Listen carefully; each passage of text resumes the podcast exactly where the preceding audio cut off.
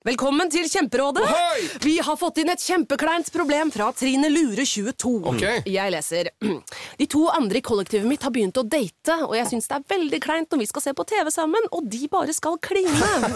Ok, ja, Yes. Hvordan skal hun løse dette? Siden Trine Lure er under 30, får hun jo ubegrenset data fra Telenor fra 399 kroner. Da Da kan hun sette seg på sitt eget rom, streame så mye hun vil på mobilen. Ja, hun kan jo se på nye mobilabonnement på telenor.no. Ja, det er lurt.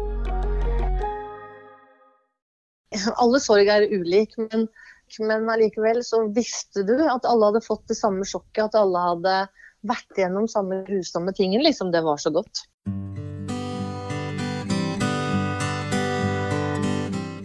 Hei og velkommen til en ny episode av Selvmordspodden. Poenget med denne podkasten er at ikke én til skal velge selvmord. I dag er du her med Anne Gillebrekke, og jeg har med meg en spennende gjest som heter Anette Grønstad.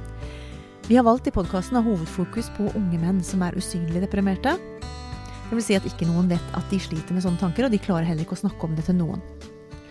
Du kommer til å høre mange forskjellige historier i denne podkasten, og i dag skal du få lov til å møte ei dame som heter Anette Grønstad. Hun er 54 år, eh, mamma til tre barn, svigermor og bestemor til to firbente.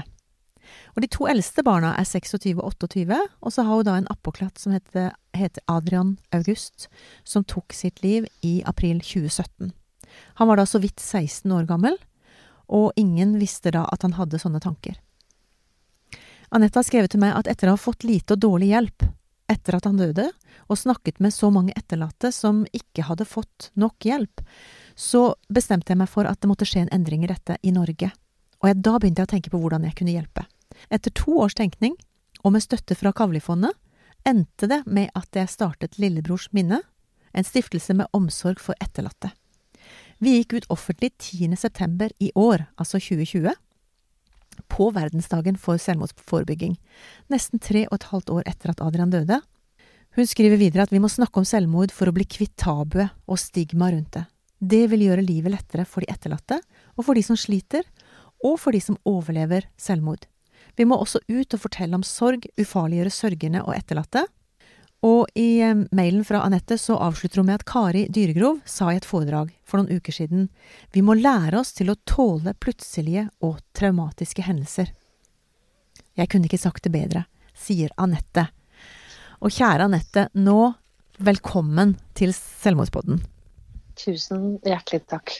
Når jeg snakka med deg litt tidligere, så sa jeg at eh, vi skal ikke Altså, vi er jo ikke Selv om vi har faglig bakgrunn og masse sånn, så er jo du og meg begge to mødre som har mista gullgutten vår. Mm.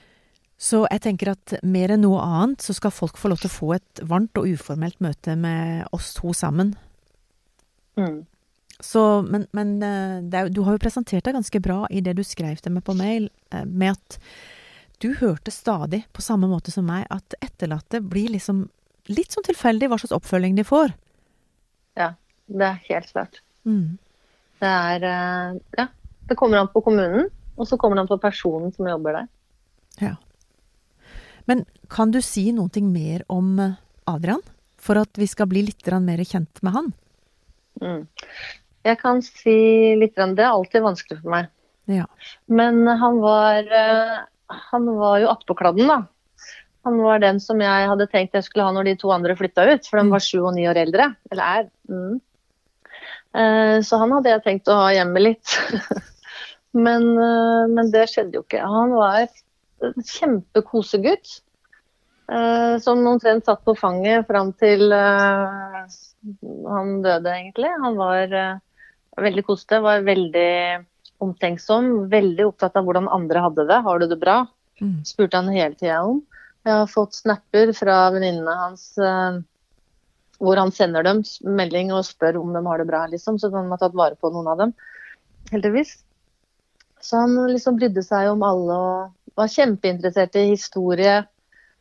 Uh, ja. Kjempeflink, smart. Han hadde en del venner òg? Han hadde en del venner, men det var ikke alle som han kanskje menga seg med, liksom. Jeg tror det var sånn relativt godt likt av mange, liksom. Men eh, det var en liten gjeng. Og så hadde han spesielt tre venninner i klasse Ja. som han uh, brukte og snakka med. de har vært uh, De har nok vært veldig bra for ham. Eh, Det som ikke var så bra for De hadde fått vite at han slet. Ok. De Men ikke du? Nei, nei. Ikke noen andre heller, tror jeg. Ingen, og dem, men dem, han har til og med sagt til dem at det han uh, kunne tenke seg å ta livet sitt. Oi. Men han hadde lovt, ja, han hadde lovt å ikke Han lovte å ikke gjøre det, og de lovte å ikke si noe. Det er en ganske de- tøff eh, ting å sitte oppi. Å skulle ha, ha gitt et sånt løfte. Ja, og det har de gjort. Og det samme som oss eh, den helt nære etterlatte, så har ikke dem heller fått hjelp. Um, ja, og dette det syns jeg er så fælt. Og jeg prøvde, og jeg ringte skolen, det var jo på slutten av 10. klasse på våren. Så da ble det jo ny skole og videregående på mange av dem. og Ingen forbindelse mellom ungdomsskolen og videregående for, for å fortelle hva disse ungdommene har opplevd. Du tar tak i noe kjempeviktig nå. For du, Ja. du og meg har jo egentlig bare snakka sammen én gang, sammen med ei annen som har en stiftelse. Og vi er liksom bare ramla inn i dette her eh, Selvfølgelig som ingen vil være med i hvis ikke de må. Men samtidig så har det Mm. blitt et lite fellesskap for oss inne i både grupper og alt mulig sånn. Og dette er jo noe at etterlatte Hvem er egentlig de? Når en person Ja. som Adrian, som har så mange nære venner, som kanskje i perioder kanskje er nærmere enn familien, hvor du sier Mm. dypere ting, og det setter dypere spor, og så så er det så vidt på en måte at de pårørende får oppfølging, så her må det jo gjøres Mm. noen ting. Ja, det er helt, helt klart. Men det- jeg prøvde, og jeg ringte for å få hjelp til det, men enda så hører ikke kommunen. Altså. Nei. Det tok ni måneder før tre, to av jentene fikk tilbud. Så dette hvor, hvor, Hvilken ende begynner vi her, Anette? Hva Ja. kan vi gjøre for noe? For dette, du må fortelle litt. Nå mista du Adrian, var det 2017, var det ikke det du sa? Mm, mm. Og han var akkurat fylt 16, eller? Ja, han fylte 16 i februar. Ok, og så mistet du han i april, var det det? April, ja. 19. april, ja. Ja. Så rett etter påsken. Rett etter påsken. Kan jeg, kan jeg spørre, før vi går inn på stiftelsen og alt mulig sånn, hvor, hvor var du da? Fra april og fram til sommeren? Altså, hva, Jeg, hvilken planet fra- var du på, på en måte? Ja, si det. Uh, greia var at jeg starta jo en butikk i januar. Alene. Ok. Jeg hadde riktignok Jeg delte lokalet med ei anna, og takk for det, da. Mm. Uh, Så jeg hadde etter hvert ikke noe valg annet enn å gå på jobb. Eh, Så det var eh, Det var tårer og gråting til og fra jobb. Det var eh, Og alt det rare, grusomme kroppsgreiene som dette her medfølger av eh, Ja. Krisereaksjoner. Jeg vet ikke. Det var, det var grusomt når jeg ikke var på jobb. Og så men jeg måtte jo dit. Men også ble jeg også sendt hjem igjen, og så kom det ei eh, ny venn, egentlig, som begynte å hjelpe til og var i butikken litt for meg. Mm. Men eh, Og så skjedde livet, ikke sant. Eh, jeg vet ikke, jeg ble skilt eller separert, flytta ut fra eksmannen min. Men så hadde vi bryllup så, med dattera mi. Um, Alt det der skjedde samme året som Adrian døde? Ja, samme, dette var jo innen tre måneder etterpå. Og, da, og så starta jeg en nettbutikk, for jeg måtte jo da jobbe og kjørte på med masse mer nytt inn i butikken. For at jeg måtte jo Mm. Så det var masse jobbing, da. Men var det litt godt midt oppi alt, og ikke bare sitte i sofaen og, og grine? Eller er litt sånn tosidig? Ja, jeg, jeg, vet jo ikke hvordan det hadde vært om jeg bare hadde vært hjemme, men, eller om jeg da også hadde fått hjelp, liksom. Men det jeg tror det ble, var litt for mye jobbing, liksom. At jeg bare måtte, måtte. Mm. For det tok jo slutt da, på slutten av året. Da, da ble det jo stopp rett før jul. Og når du har en butikk som var opphandla til, eller handla opp til jul, og det er liksom Ja, nei. Ja, nei, da ble det stopp. Mm. Og jeg eh, ble lagt inn på DPS og noen avdelinger der jeg var, så jeg var der i fem uker. Mm. Og skjønte at eh, da må jeg jo stoppe nettbutikken som bare jeg kunne. Og butikken var det jo hun som var så snill og hjalp til bare frivillig, egentlig. Hun tok denne jula, så skjønte jeg at det går jo ikke an. Og så ble det vanskelig. Det ble vanskelig å ha produktene, det ble vanskelig med alt. For jeg var jo også i butikken da jeg fikk vite at han døde, da jeg fikk den telefonen, at han var død. Mm.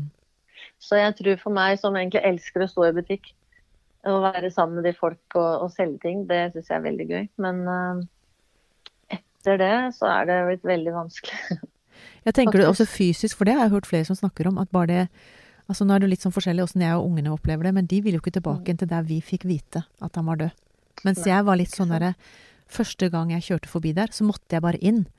Manne meg opp, sitte og puste i bilen og tenkte jeg skal inn der, jeg skal sitte der, jeg skal være der. Jeg skal ikke miste alle disse plassene. Jeg skal ikke liksom miste muligheten til å gå til Oslo bare for at jeg orker ikke å være der. Jeg skal ikke miste denne Nei. rasteplassen på en måte. Jeg, skal, altså jeg orker ikke å miste alle de plassene bare for at det er vonde minner, liksom. Så jeg må jo bare skape noe nytt der, da. Men du Mm. kjente litt på det at, det, at ikke du klarte å gå inn døra der, liksom, nesten? Ja, og de tinga i butikken, det ble jeg dårlig av. For det var nok at det ble alt at Kanskje at jeg måtte jobbe så mye kanskje med alt sammen. Jeg vet ikke, men jeg ble fysisk dårlig når jeg gikk inn. og Hadde venninner som tok meg med dit, men eh, de hadde veksla blikk, skjønte jeg, og hun skal ut igjen. Så det var liksom ti minutter, og så tok de med meg ut. Ja. Så det har vært litt sånn eh, vanskelig. Men, men steder ja, Det skjønner jeg. Å ta tilbake det, det skjønner jeg er greit. Mm. Eh, Men akkurat den der butikken var tydeligvis vanskelig for meg. Men turte folk å komme inn i butikken etter at det, Nei. Nei. Nei. Nei, For det er- jo ikke akkurat noe du Jeg har jo merka mange ganger at eh, folk du kjenner sånn passe godt, de unngår det i perioden. Og sikkert jeg unngår de også, men, men det er jo ikke fordi at de vil deg noe vondt. Men folk aner jo ikke For det første kan de ha dårlig tid, og for det andre så er det bare Jeg aner ikke hva jeg skal si. Jeg sier sikkert Mm. noe dumt eller noe galt eller et eller annet, så jeg bare unngår. Det er akkurat det som er. Og så vet ikke vi hva slags historie de har heller. Akkurat det. Og det, og, og det kan være vanskelig for dem pga. seg sjøl, liksom. Jeg, vi jo tenkte det samme. At ok, de som ikke møter oss, det er ikke oss, det er dems egne Mm. Men, eh, men folk slutta å komme. Det var derfor jeg måtte begynne igjen. Jeg måtte jo, Det gikk jo utover hun andre butikken òg. Ja, ikke sant? Ja. Så Det blir litt sånn som følelse av å være spedalsk, liksom. At dette er Ja. eh, så tøft for folk å fronte at de klarer ikke Ja. å det er, det er sånn, altså. Men samtidig så var det så mye fint inni der. For det var jo heller ikke alle som visste det, men også noen som visste det, selvfølgelig. Så, så for mange så tror jeg òg det må ha vært litt spesielt å ha vært der. Fordi det ble mange fine samtaler med Mm. masse fine kunder som åpna opp for hva de hadde mista. Kanskje barn for 40 år siden, Mm. og de sto og gren der, da. Um, så vi sto og gren. Det ble snakka selvmord i butikken. Så, så litt spesielt, tenker jeg, for u ukjente å, komme inn i den butikken der etter hvert, altså. Men det er veldig spesielt eh, med det at, eh, at plutselig så blir det ikke noe aktuelt å snakke om holdt jeg på å si interiør eller vær og vind. For det, når, Mm. det merka jeg jo når folk møtte meg. Så Mm. var det eh, en setning, liksom. Altså en, eller en klem. Og så var det plutselig de sin sorg. Om de hadde mista en onkel, eller om de hadde Ja. barn som var syke, eller hva det var. Plutselig var det lov for de å si 'vet du, jeg har jo en smerte hos meg'. Ja. Og det er liksom litt sånn interessant å legge merke til at uh, det, det syns ikke jeg var belastende, for mange, kan, mange skal si syns det er vanskelig når folk begynner å fortelle sin story. Nei, det blir egentlig bare enda mer nært. For at uh, vi sto jo der nakne, vi, Anette, du og Mm. meg. Vi har på en Mm. måte mista fasaden, vi har mista noe kjempedyrt i livet vårt, og vi har liksom ikke Ja, alle vet om det. Mm. Så det at folk på en måte da connecter og sier 'vet du, jeg har opplevd dette i livet mitt', jeg. Så er det akkurat som de også rekker ut en hånd og sier at 'du er ikke aleine'. Mm. Og så er det det, tenker jeg, at vi ikke snakker så mye om sorg, da. Mm. Det er det jeg har skjønt nå, at det er jo også nesten tabu, sånn som selvmord er, liksom. Ja. At vi, vi er nødt for å ufarliggjøre ordet selvmord, sier jeg. Ufarliggjøre oss etterlatte, slik at folk tør. Men vi må også gjøre det med sorg. Og det er jo så rart, fordi vi, vi dør jo alle sammen en dag. Det vet vi jo. Det er i hvert fall noe vi har felles. Ja, det er i hvert fall det. Og, det er liksom, og alle mister jo noen mer eller mindre gjennom hele livet. Så mister vi jo noen. Det er kanskje liksom ikke så vanskelig, da, eller det er mer normalt at man mister besteforeldre og sånt. Men, men det er jo likevel vanskelig for mange. Og vi, nei, vi må snakke om det her, altså. Mm. Men jeg har jo vært der sjøl. Jeg har jo omtrent vært redd for døden. Og, og snakke om sorg og gå i begravelser har jo vært eh, angstfylt. Mm. Skikkelig. Uh, skikkelig ordentlig. Så venner av meg vet at jeg har de problemene, så bare du skal slippe å komme, altså. Ikke sant? Hvis det er noe. Men, så jeg skjønner jo hvordan det er, men nå har jeg jo vært på baksida big time. Det har jeg vært før òg, men nei, vi- må nok ufarliggjøre det her eh, Og som jeg sa eller skrev når jeg hørte på seminar eller foredrag med Kari Dyrgrov, at vi må lære oss opp da, til å tåle plutselige og traumatiske hendelser. For det skjer jo. Ikke bare vårt eget liv, men også de som er nærme oss. Mm. Vi vet jo aldri. Når dette kunne hende oss, så kan det hende alle. Altså, det nytter ikke å si at ja, men sønnen min eller dattera mi kommer ikke til å ta livet sitt, eller mannen min eller noen andre. Eller naboen. Vi vet ingentingen. Jeg tenker kanskje du og meg eh, og storyen vår er litt truende for mange. For det er veldig mange som sier 'jeg fant dere ut hva som egentlig lå bak'. Og jeg tror, jeg har sagt det før, og jeg tror kanskje mange håper at jeg sier 'ja, det var akkurat dette'. Mm. Og så kan de si 'å ja, for det har jo ikke mine barn', så da gjelder det jo ikke de unge som jeg er glad i. Men siden ikke vi finner noen ting, så blir det jo veldig skummelt for oss altså, når vi driver og fronter og snakker om at dette må vi snakke mer om. Mm. For plutselig blir det jo aktuelt. Mm. For alle, du vet ikke hvem, hvem som er neste. Og det er jo derfor du og meg kjemper, og nå må vi inn, Anette, og, få- og høre om hva skjedde for noe når du plutselig begynte å tenke at nettbutikken var gått under, du var blitt innlagt, du hadde vært gjennom et, unnskyld uttrykket, helvete. Mm. Det er et sant? Og du helvete. er Ja. Og du er ikke sant, skal ta deg av de som er rundt deg, og du gikk gjennom en skilsmisse og et bryllup og altså, Du bare Du hører kaoset som er rundt der, Mm. og så kommer det en eller annen tanke hos deg på noe som, som du hadde lyst til å gjøre. Mm. Så har du snakka litt til meg om at du kontakta Leve. Mm. Fikk du litt hjelp der på en måte til å snakke med andre etterlatte? Mm. Det var veldig fint. Jeg ble med på levekafeer etter hvert, hvor jeg traff andre utelatte. Og fikk være med litt på ja, hva skal jeg si. Det første jeg fikk være med på, var et fylkeslagsmøte. Hvor jeg møtte veldig mange fra forskjellige fylker. Og det var eh, utrolig godt. Fordi de vet Alle sorg er ulik, men, men allikevel så visste du at alle hadde fått det samme sjokket. At alle hadde vært gjennom samme grusomme tingen. Liksom. Det var så godt. Ja. Det var godt å slippe sånn medlidende øyne og sånn Å, stakkars deg. Å, jeg vet ikke hva jeg skal si. Eller Ja, det var, det var så godt. Akkurat den kjenner jeg igjen, altså. Ja, ikke sant? Men allikevel, selv om du var der og kanskje også fikk annen hjelp, når du, både når du var på DPS og andre sånne ting, så, så kjente du et eller annet uh, som vokste fram hos deg, som du hadde lyst til å tenke at dette kan jeg gjøre noe med. Hele tida egentlig så har jeg kjent det der, at det, det, det går ikke an. At folk ikke At helsevesenet ikke klarer å stå i oss. At eh, de ikke klarer å gi oss god nok hjelp, liksom. Så hele tida har jeg skrevet ned liksom. Jeg må hjelpe folk, jeg må hjelpe folk. Og det er det som har hjulpet meg, da. Og jeg har vært på veldig mange kurs, forskjellige slags kurs. Og snappa opp litt ting. Og så kom det der at eh, Også tidlig at ja, nei, vi må hjelpe noen, og vi må få ungdommer vekk fra det her. Samtidig som vi må fortelle ungdommer at uh, det er ikke noen taushetsplikt, men meldeplikt når noen forteller sånne ting. Så det er ganske mye, da. Men ut fra dette her, så etter hvert fant jeg ut at jeg ville lage en stiftelse. For å hjelpe. Og og langt tilbake snakker vi nå? Jeg vet at du, du starta den nå på den eh, verdensdagen for selvmordsforebygging, men, men når lang tid tok det før du kunne få han opp og gå, denne her stiftelsen? Altså, stiftelsen? Tank, tankene har jeg hatt siden første året. Ja. på at jeg vil gjøre det her. Og så var det i fjor høst at jeg hadde en litt sånn eh, Det hadde vært veldig trått hele fjoråret, eller første halvdelen av fjoråret. Var veldig vanskelig. Plutselig så klarte jeg å snu om i huet mitt og bestemte meg for at eh, her skal jeg leve, må jeg gjøre det bra. Og så tenkte jeg jeg må ha stiftelse, eller jeg må ha 100 000 for å få oppretta en stiftelse. Det har jeg ikke. Jeg søker Kavlifondet. Og det gjorde jeg, vet du. Og, og for å gjøre alt kort, så fikk jeg 100 000 av Kavlefondet, og de fikk jeg på verdensdagen for selvmordsforebygging 10.9. i fjor. Mm. Så du har hatt ett år på en måte da til å, å bygge opp stiftelsen, og få inn styre og alle disse tingene, som formelle tingene. Ja, Det har vi gjort. Hva er hovedformålet med Nå må du si navnet på Ja. stiftelsen din også. Det heter Lillebrors minne og um, Stiftelsen med omsorg for etterlatte.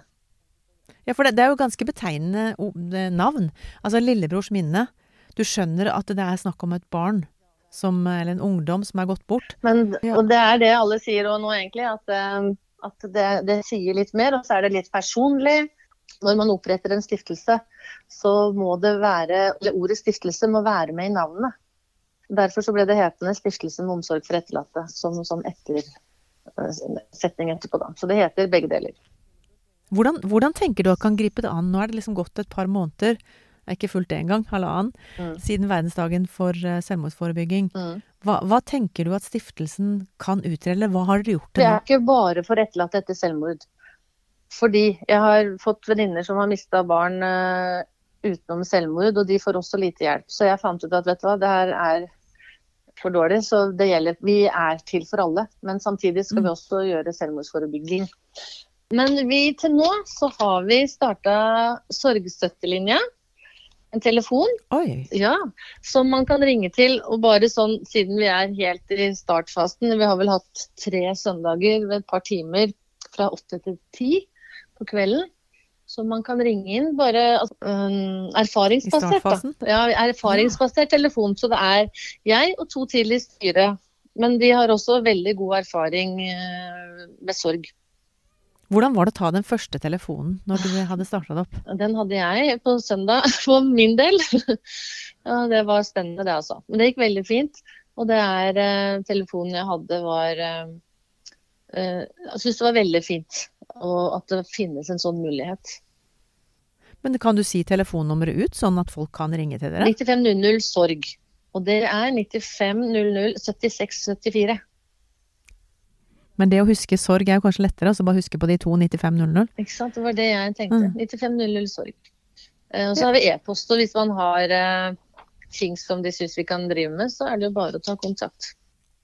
Dette er jo enormt gode nyheter, for at det blir spissa inn mot den type oppfølging. Og det er jo ikke for at dere skal drive terapi, som du sier, men dere sitter med den erfaringa. Og når du forteller at det betydde så mye for deg å få kontakt med andre etterlatte, Mm. så er det vel kanskje det dere ønsker å oppnå, da. Bare at folk skal få en kontakt, kunne snakke litt, grann, Mm. og også kanskje få litt hjelp til å si Altså, jeg fikk hjelp her og der. Kanskje Mm. det, altså Er det litt sånn dere tenker? At dere kan pushe folk videre til hvor de kan få snakka videre, hvis de trenger mye Ja. oppfølging? Ja, det òg. Altså av det vi vet. Pluss at jeg vet jo at hun, en av de som, andre som har tatt telefon, har jo hjulpet noen veldig, veldig mye. Med veldig lite, faktisk.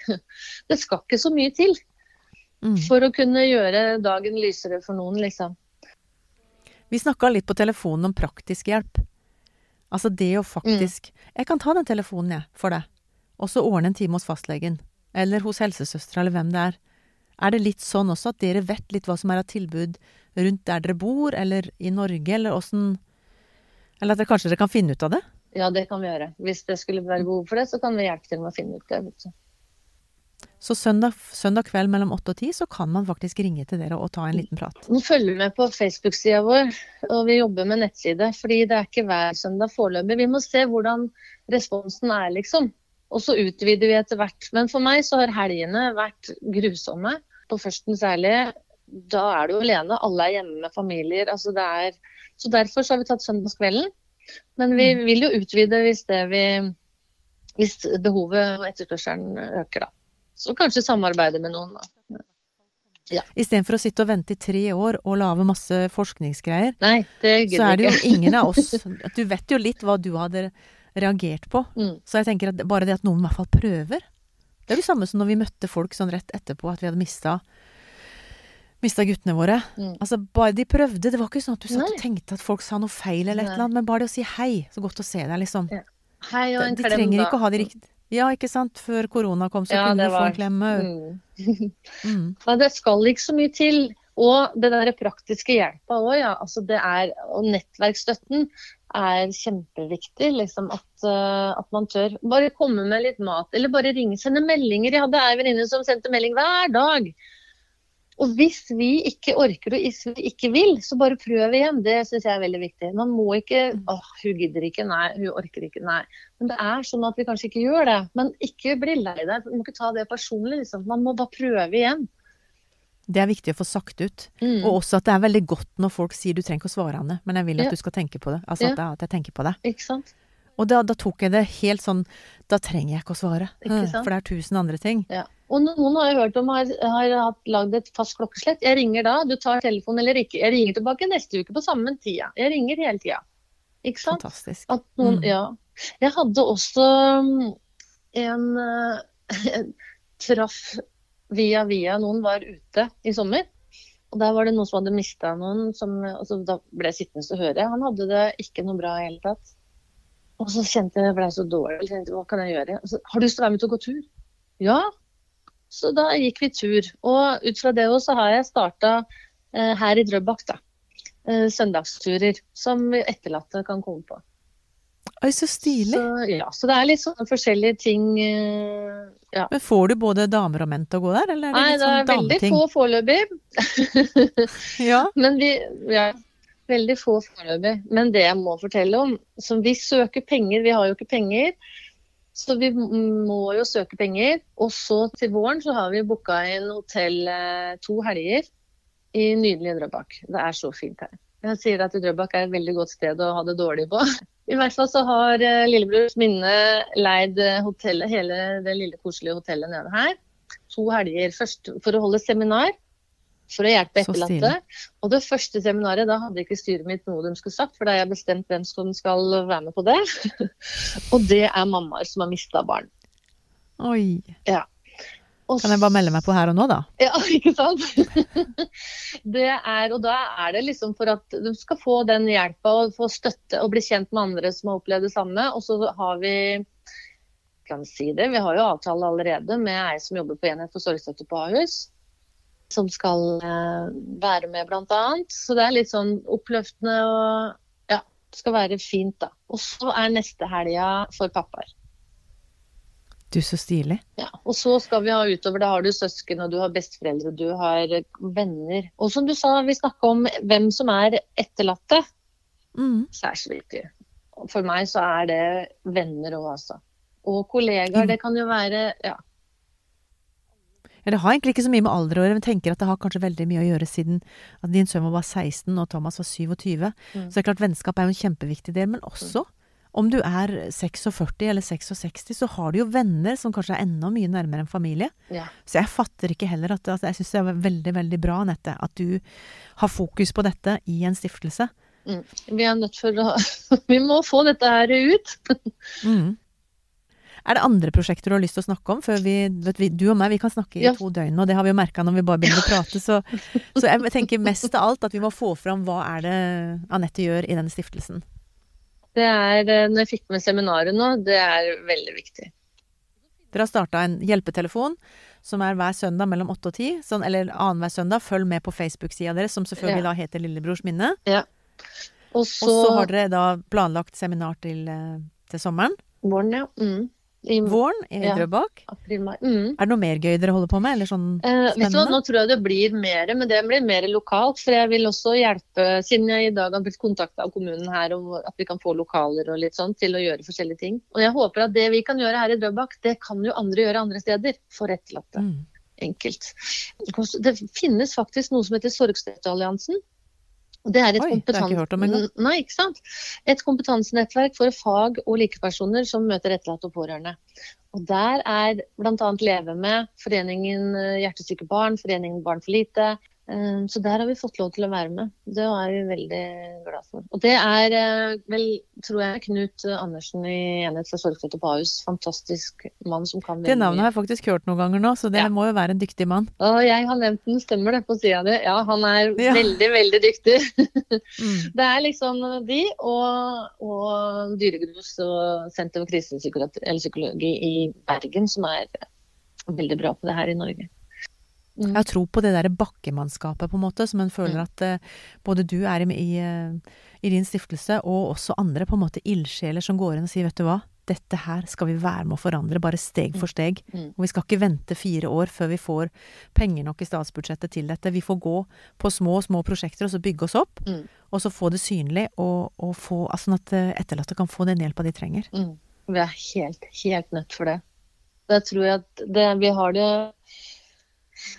fælt, men jeg tror kanskje at man kan få det litt bedre da, med å, at noen viser at de bryr seg. Selv helsevesenet, liksom. Mm. Så det du har lagt vekt på, det er jo det som betydde noe for deg, sa du.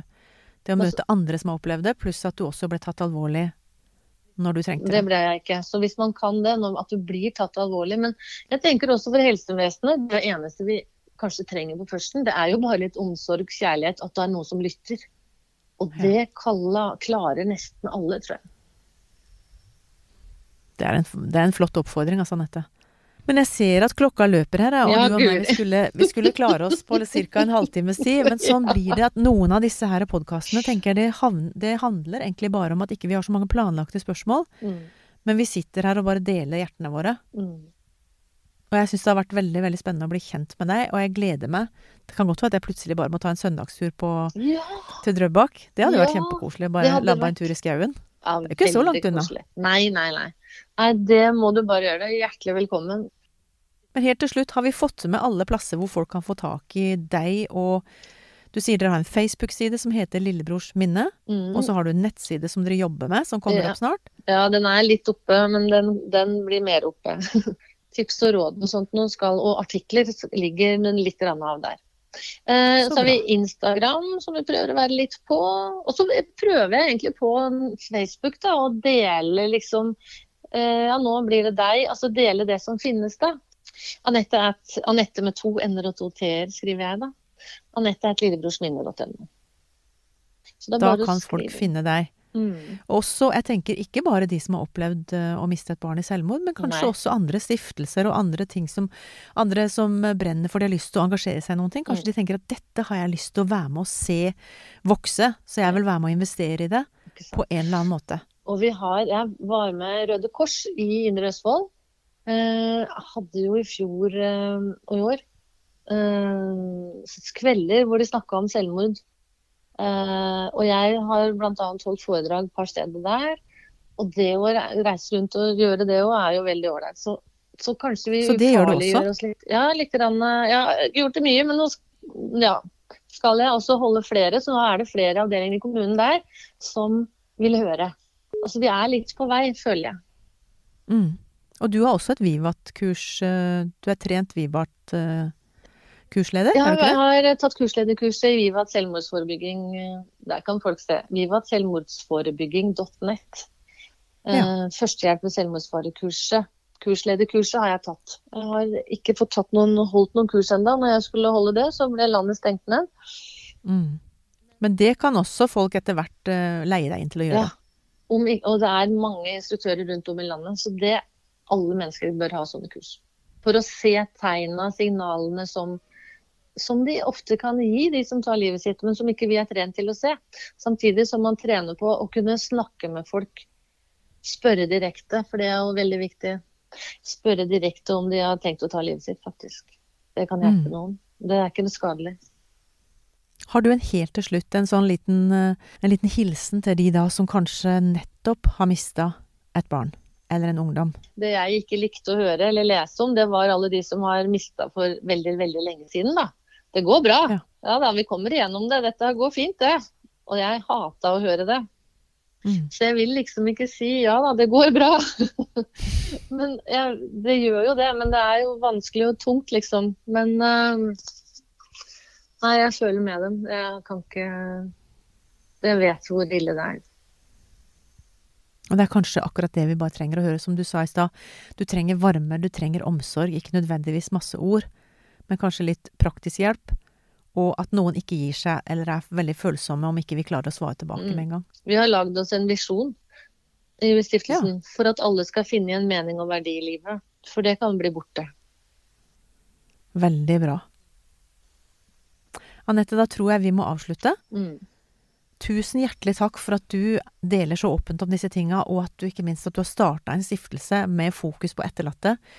Som du sier, etterlatte etter eh, selvmord, men også at du skjønner at etterlatte etter annen død blant barn skal også bli ivaretatt. Ikke bare barn. Det er for alle. Ja, for en sorg. Altså etterlatte. Etterlatte Punktum. helt generelt. Ja.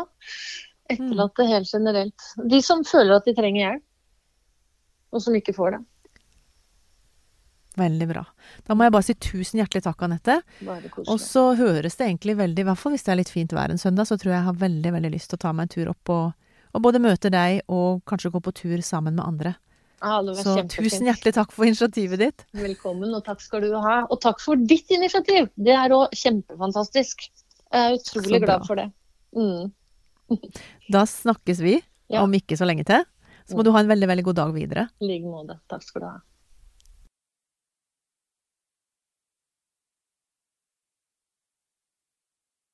Helt til slutt har jeg lyst til å fortelle hvor du kan få hjelp. Kirkens SOS er en døgnåpen krisetelefon. Det samme er Mental Helse. Leve, Landsforeningen for etterlatte ved selvmord. Legevakten 116 117. Kors på halsen, Røde Kors sitt tilbud.